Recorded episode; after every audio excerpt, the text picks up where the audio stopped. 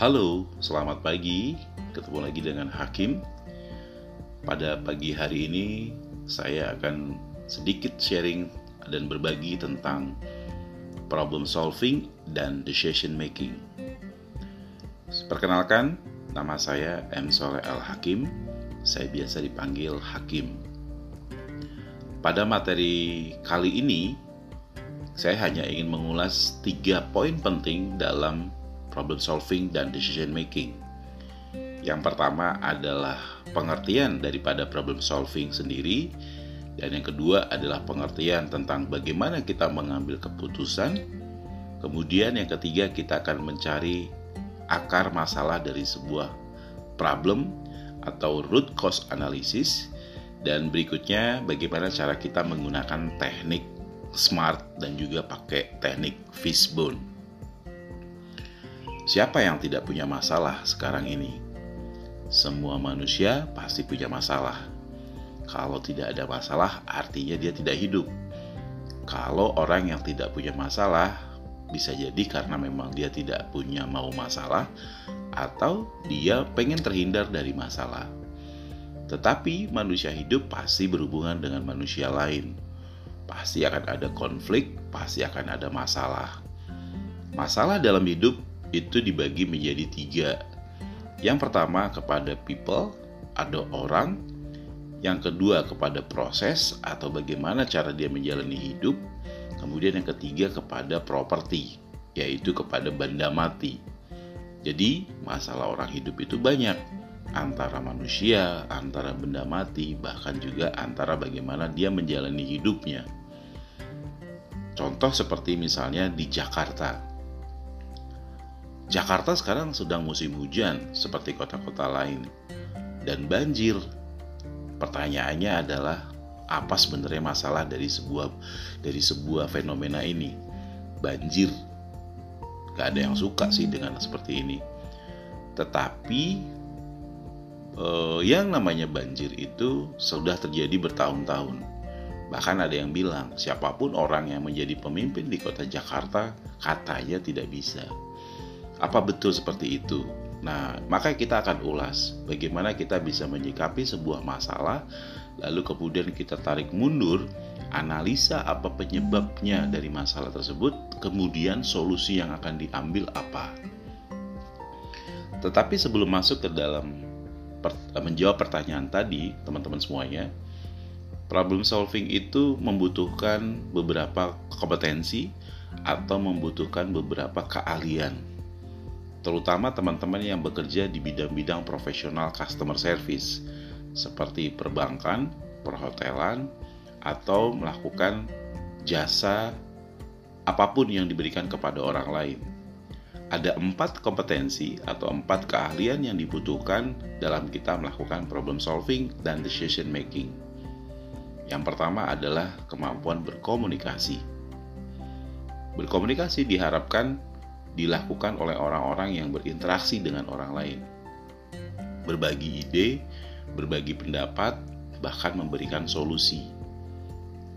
Apakah orang yang tidak bisa berkomunikasi itu bisa menjadi seorang problem solver?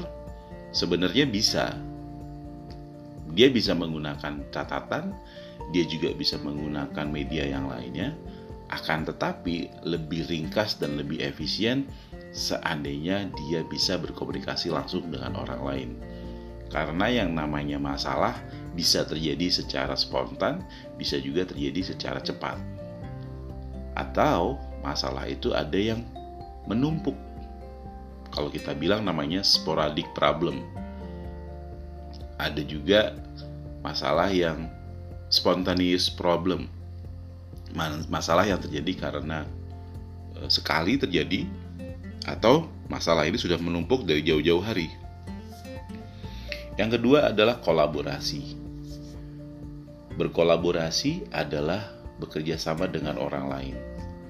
Kemampuan ini atau keahlian ini dibutuhkan bagi orang-orang yang bekerja secara tim kalau kita ingin menyelesaikan masalah baik itu di pekerjaan atau di lingkungan sosial, kita pasti membutuhkan orang lain. Butuh bantuan orang lain, butuh pendapat orang lain, butuh masukan dari orang lain. Maka dari itu, berkolaborasi adalah menjadi salah satu daya dan salah satu usaha untuk bisa menyelesaikan masalah. Contohnya yang tadi masalah banjir.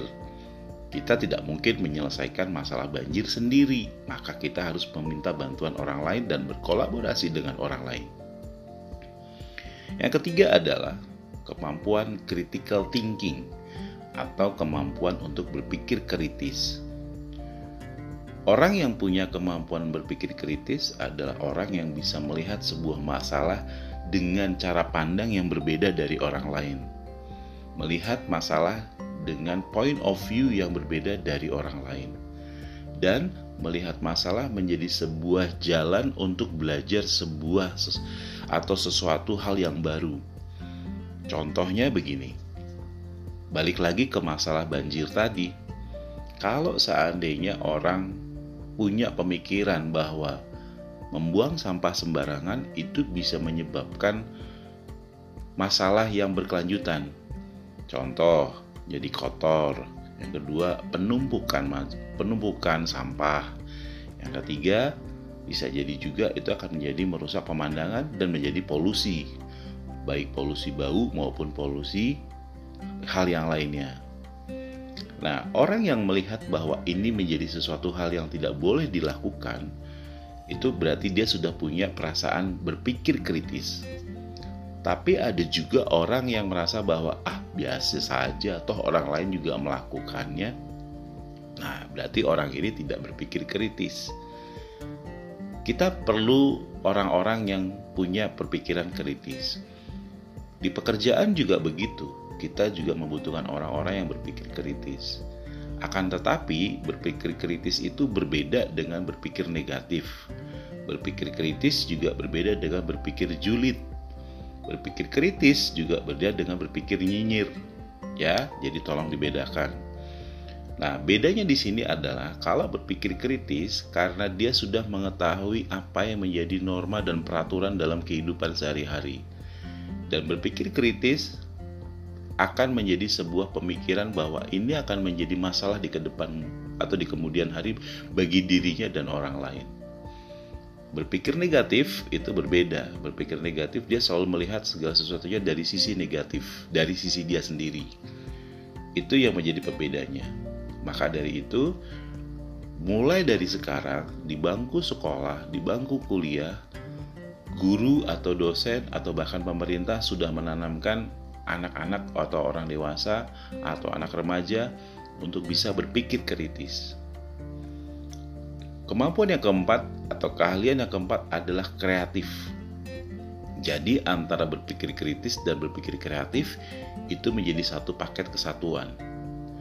Berpikir kreatif adalah mencoba hal-hal baru yang bukan menjadi kebiasaan sehari-hari tetapi di luar pemikiran orang lain dalam tanda petik out of the box atau keluar dari pemikiran orang lain.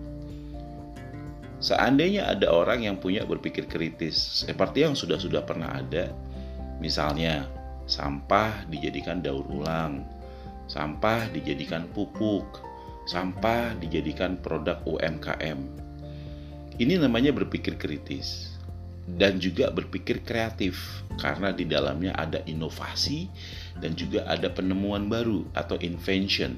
Jadi antara innovation dan inventionnya berjalan. Yang terjadi di kota-kota besar, banjir, salah satu penyebabnya adalah sampah, penumpukan sampah. Ada beberapa orang yang mengerti bagaimana mengelola sampah dengan benar. Ada orang, beberapa orang yang memahami bagaimana menggunakan sampah menjadi sebuah produk atau menjadi sebuah hasil yang bisa dijual Nah, ini disebut dengan berkreatif atau berpikir secara uh, berbeda dari orang lain. Jadi, kalau boleh saya simpulkan, empat keahlian atau kemampuan yang perlu digunakan atau dimiliki oleh teman-teman profesional kerja sekarang adalah communication, collaboration, critical thinking, dan creativity. Ini adalah empat dasar kemampuan yang wajib dimiliki kalau kita ingin punya kemampuan problem solving dan decision making. Kalau berbicara tentang critical thinking, itu adalah kemampuan untuk menganalisa informasi secara objektif. Jadi orang-orang yang berpikir berpikir kritis, mereka harus punya data dan fakta dan juga punya fenomena dan observasi yang dia alami sendiri atau yang sudah menjadi sebuah uh, apa ya namanya ya yang menjadi sebuah ketentuan umum. Contohnya misalnya temuan penelitian, kemudian uh, jurnal yang sudah uh, disahkan. Nah, ini akan menjadi sebuah sumber bagi orang-orang yang uh, melakukan tindakan atau pekerjaan dan akhirnya menimbulkan sebuah pemikiran kritis terhadap hal apa pun. Berpikir kreatif atau berpikir kritis itu juga membutuhkan bantuan daripada anggota badan tubuh kita. Bagaimana kita bisa berpikir kritis? Yang pertama adalah kita harus bisa menghemat apa yang menjadi kejadian atau keadaan atau kegiatan kita sehari-hari.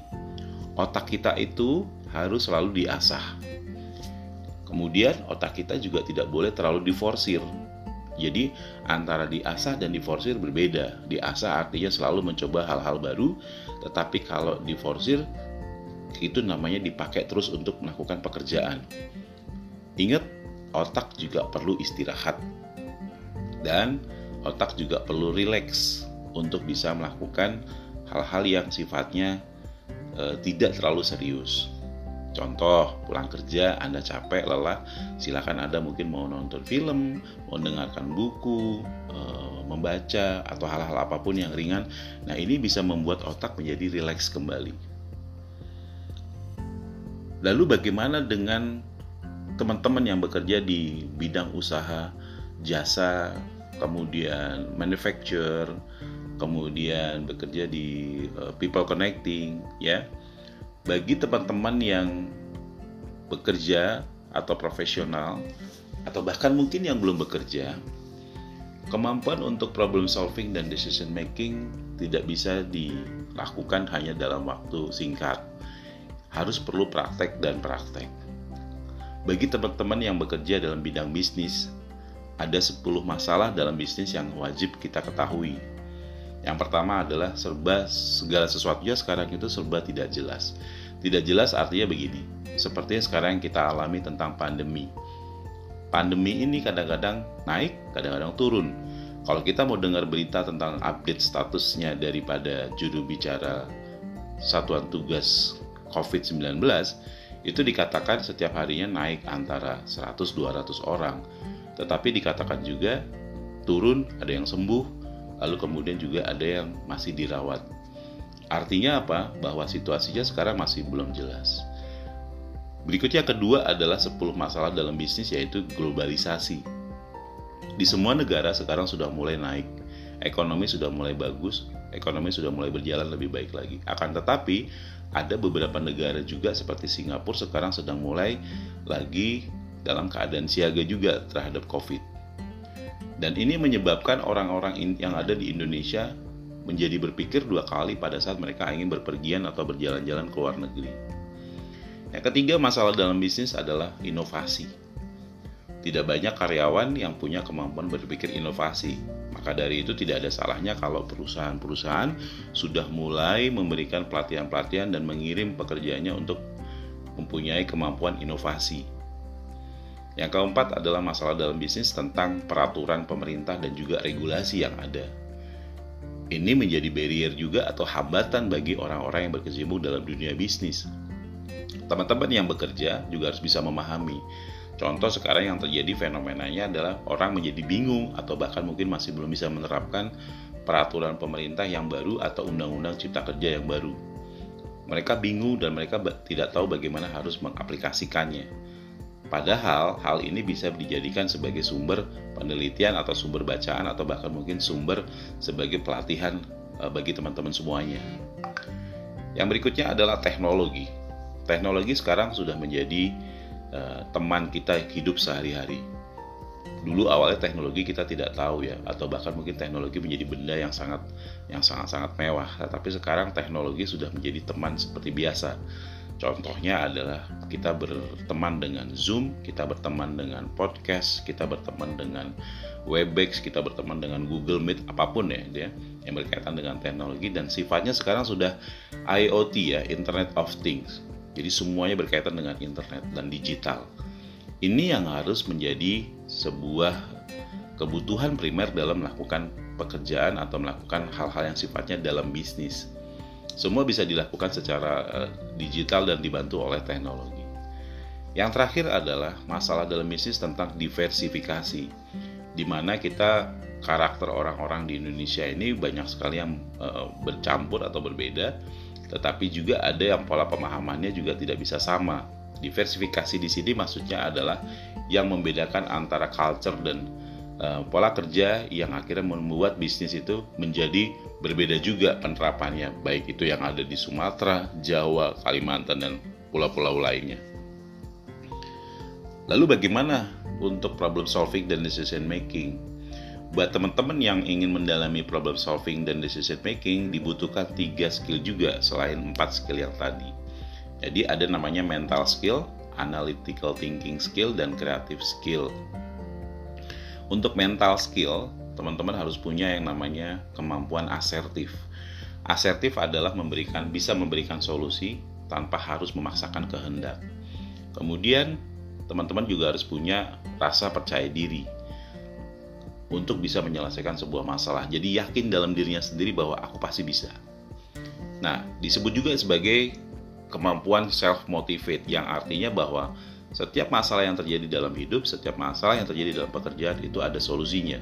Karena masalah yang buat manusia sebenarnya, maka pasti ada solusinya. Pertanyaannya mau atau tidak itu saja.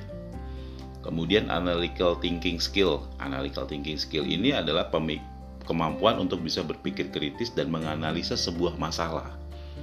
Harapannya kalau ada masalah tidak langsung jump solution atau lompat kepada penyelesaian, tetapi mencoba untuk menganalisa kembali kalau banjir tadi, kalau kita mau jump solution sebenarnya bisa saja. Contoh, kita pindah rumah ya atau mungkin e, sungainya langsung ditutup segala macam atau ditinggiin rumahnya. Sebenarnya bisa seperti itu. Tetapi ini tidak menyelesaikan masalah sebenarnya. Yang diharapkan adalah bagaimana supaya kita menghindarkan atau menghapus masalah tersebut. Dengan cara apa? Kita analisa satu persatu di mana problemnya. Yang ketiga adalah kreatif, berpikir kreatif. Bagaimana kita bisa mengubah masalah menjadi sebuah kesempatan, mengubah problem menjadi sebuah chance. Nah ini dibutuhkan memang eh, orang-orang uh, yang uh, penuh dengan kreativitas dan tidak bisa uh, tidak bisa belajar dalam waktu singkat. Ada yang namanya metode menggunakan fishbone atau smart. Jadi fishbone itu adalah sebuah metode untuk menyelesaikan masalah dengan mengurai masalah tersebut satu persatu. Jadi kalau di fishbone itu yang ada di kepala, kepala ikan ya. Kan kalau fishbone itu kan ada kepalanya, ada buntutnya, lalu kemudian ada durinya. Yang ada di kepala ikan itu adalah akibat jadi kalau di sini kita sebutnya di kepala ikan itu adalah banjir. Ya, kita tulis ya di kepala ikannya banjir. Silakan teman-teman gambar kepala ik, apa e, tulang ikan. Di, kemudian di sebelah kanannya adalah kepala. Nah, di kepala itu kita tulis banjir. Lalu kemudian kita tarik di badannya itu duri-duri yang ke kanan dan duri-duri yang ke kiri. Ambillah 5 garis duri Lalu kemudian setiap duri kita ada satu duri ditulis namanya man, kemudian satu lagi duri ditulis dengan namanya method, ditulis lagi duri dengan namanya material, kemudian ditulis lagi duri dengan namanya machine, kemudian yang terakhir adalah durinya adalah money. Jadi man, material, method, money sama machine. Nah, ini kita urai satu persatu banjir itu kalau dari sisi manusianya seperti apa? Ternyata orang-orangnya tidak sadar terhadap kebersihan. Ternyata orang-orangnya masih cuek. Ternyata orang-orangnya tidak paham bahwa yang namanya membangun rumah atau membangun gedung itu perlu namanya sumur serapan atau adanya pompa. Ada orang-orang yang masih belum paham juga bahwa kerjasama atau gotong royong atau kerja bakti yang dilakukan seminggu sekali itu bermanfaat untuk semua orang. Itu dari sisi mennya. Nah, kemudian yang kedua dari sisi materialnya. Contoh misal begini. Ada orang yang membangun rumah kemudian menggunakan bahan-bahan yang tidak ramah lingkungan. Ya. E, lalu kemudian ada juga orang yang membangun rumah tetapi sampahnya atau bekas-bekasnya tidak dibuang dengan benar Nah, ini bisa menyebabkan penumpukan-penumpukan di saluran-saluran air atau di got-got yang ada. Yang berikutnya ketiga adalah metode. Metode bagaimana cara kita membersihkan atau metode bagaimana kita uh, membuat lingkungan kita menjadi bersih dan sehat. Harusnya ada sosialisasi ya dari pemerintah juga, tetapi juga dibutuhkan kesadaran masyarakat lingkungan sekitar bagaimana supaya kita bisa hidup bersih.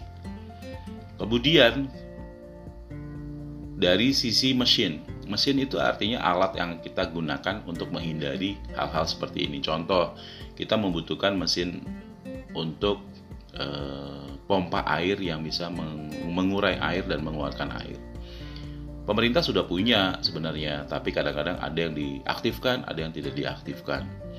Lalu kemudian kita juga butuh mesin yang bisa mengeruk sungai kalau seandainya di, di kanan kiri kita atau di lingkungan kita ada sungai. Kemudian yang terakhir adalah money. Money itu adalah budget. Budget yang digunakan untuk satu kelompok atau lingkungan agar kita bisa semuanya paham dan menyadari bahwa hidup bersih atau hidup sehat itu dibutuhkan buat semua orang dan bermanfaat untuk orang untuk kegiatan gotong royong, untuk kegiatan sosialisasi, untuk kegiatan membayar e, contohnya tukang angkut sampah dan segala macam. Dan artinya kita membutuhkan kolaborasi dari semua orang. Nah, itu yang kita gunakan dengan menggunakan metode fishbone. Nah, harapannya teman-teman dengan sudah melakukan analisa dari masalah atau sebuah masalah, kita bisa melakukan yang namanya pemilihan keputusan apa yang akan kita lakukan. Jadi setelah kita tahu oh ah, masalahnya ini, oh masalahnya ini, oh masalahnya ini, oh masalahnya ini. Lalu kemudian kita tulis lagi apa kira-kira yang bisa kita lakukan. Kayak tadi contohnya masalahnya adalah dari sisi manusianya. Apa yang harus kita lakukan? Misalnya satu diberikan sosialisasi, dua diberikan pengetahuan, tiga diberikan sanksi kalau mereka melakukan kesalahan. Ini harus dilakukan secara berkontinu dan setiap masalah harus diberikan sebuah solusinya. Tentunya ini akan menjadi sebuah keputusan bersama bagaimana cara kita membuat keputusan-keputusan. Dan keputusan ini harus direspek atau harus dihargai oleh semua orang yang terlibat dalam masalah ini. Ya, jadi dalam proses decision makingnya kita harus bisa melihat apa yang sekarang terjadi dan dalam proses decision making sendiri, kita harus bisa menganalisa masalah-masalah yang terjadi sebelumnya. Lalu kemudian kita pilih-pilih apa yang mau kita lakukan. Dan tentunya dalam kita melakukan analisa masalah, kita menggunakan yang namanya 5W 1H. What, when, where, who, and satu lagi adalah saya ulangi ya. What, when, where, who, dan satunya lagi adalah how. Ya, how. Kenapa tidak pakai why? Karena dalam menyelesaikan masalah kita tidak mau menyalahkan orang lain. What apa masalahnya? When kapan terjadi masalahnya? Where di mana masalahnya? Kemudian uh, apa lagi tadi ya? Apa masalahnya, di mana masalahnya, kapan masalahnya, dan bagaimana masalah itu bisa terjadi. Bukan siapa yang melakukan. Oh sorry, bukan kenapa masalah itu terjadi. Dan lalu kemudian who, yaitu siapa orang-orang yang terlibat dalam masalah ini atau siapa orang yang terkena dengan masalah ini. Nah, why-nya tidak bisa diikutin karena why itu adalah nanti akan menjadi sebuah unsur-unsur yang menyalahkan siapa yang melakukan hal ini? Nanti ujungnya akan menjadi akan menjadi sebuah uh, faktor krusial untuk saling menyalahkan. Tetapi how kita ganti dengan how yaitu bagaimana masalah ini bisa terjadi. Nah kurang lebihnya begitu teman-teman podcast pagi ini. Semoga bermanfaat buat teman-teman yang sedang mencoba untuk menyelesaikan sebuah masalah. Jadi kalau mau saya simpulkan bahwa dalam problem solving analisa dulu masalahnya, kemudian cari akar masalahnya, lalu kemudian cari alternatif solusi untuk akar masalahnya, lalu kemudian kalau sudah ketemu dengan uh, beberapa alternatif, kita pilih mau apa keputusannya. Nah, setelah kita punya keputusannya, maka kita akan lakukan yang namanya trial dan error. Ya, boleh dicoba. Kalau berhasil, kita lanjutkan. Kalau kita tidak berhasil, kita mulai lagi dari awal lagi. Demikian teman-teman, semoga bermanfaat. Mohon maaf ada kurang-kurangnya. Semoga kita bisa ketemu lagi lain waktu. Saya Hakim, undur diri. Selamat pagi, sehat selalu dan bahagia selalu. Dadah.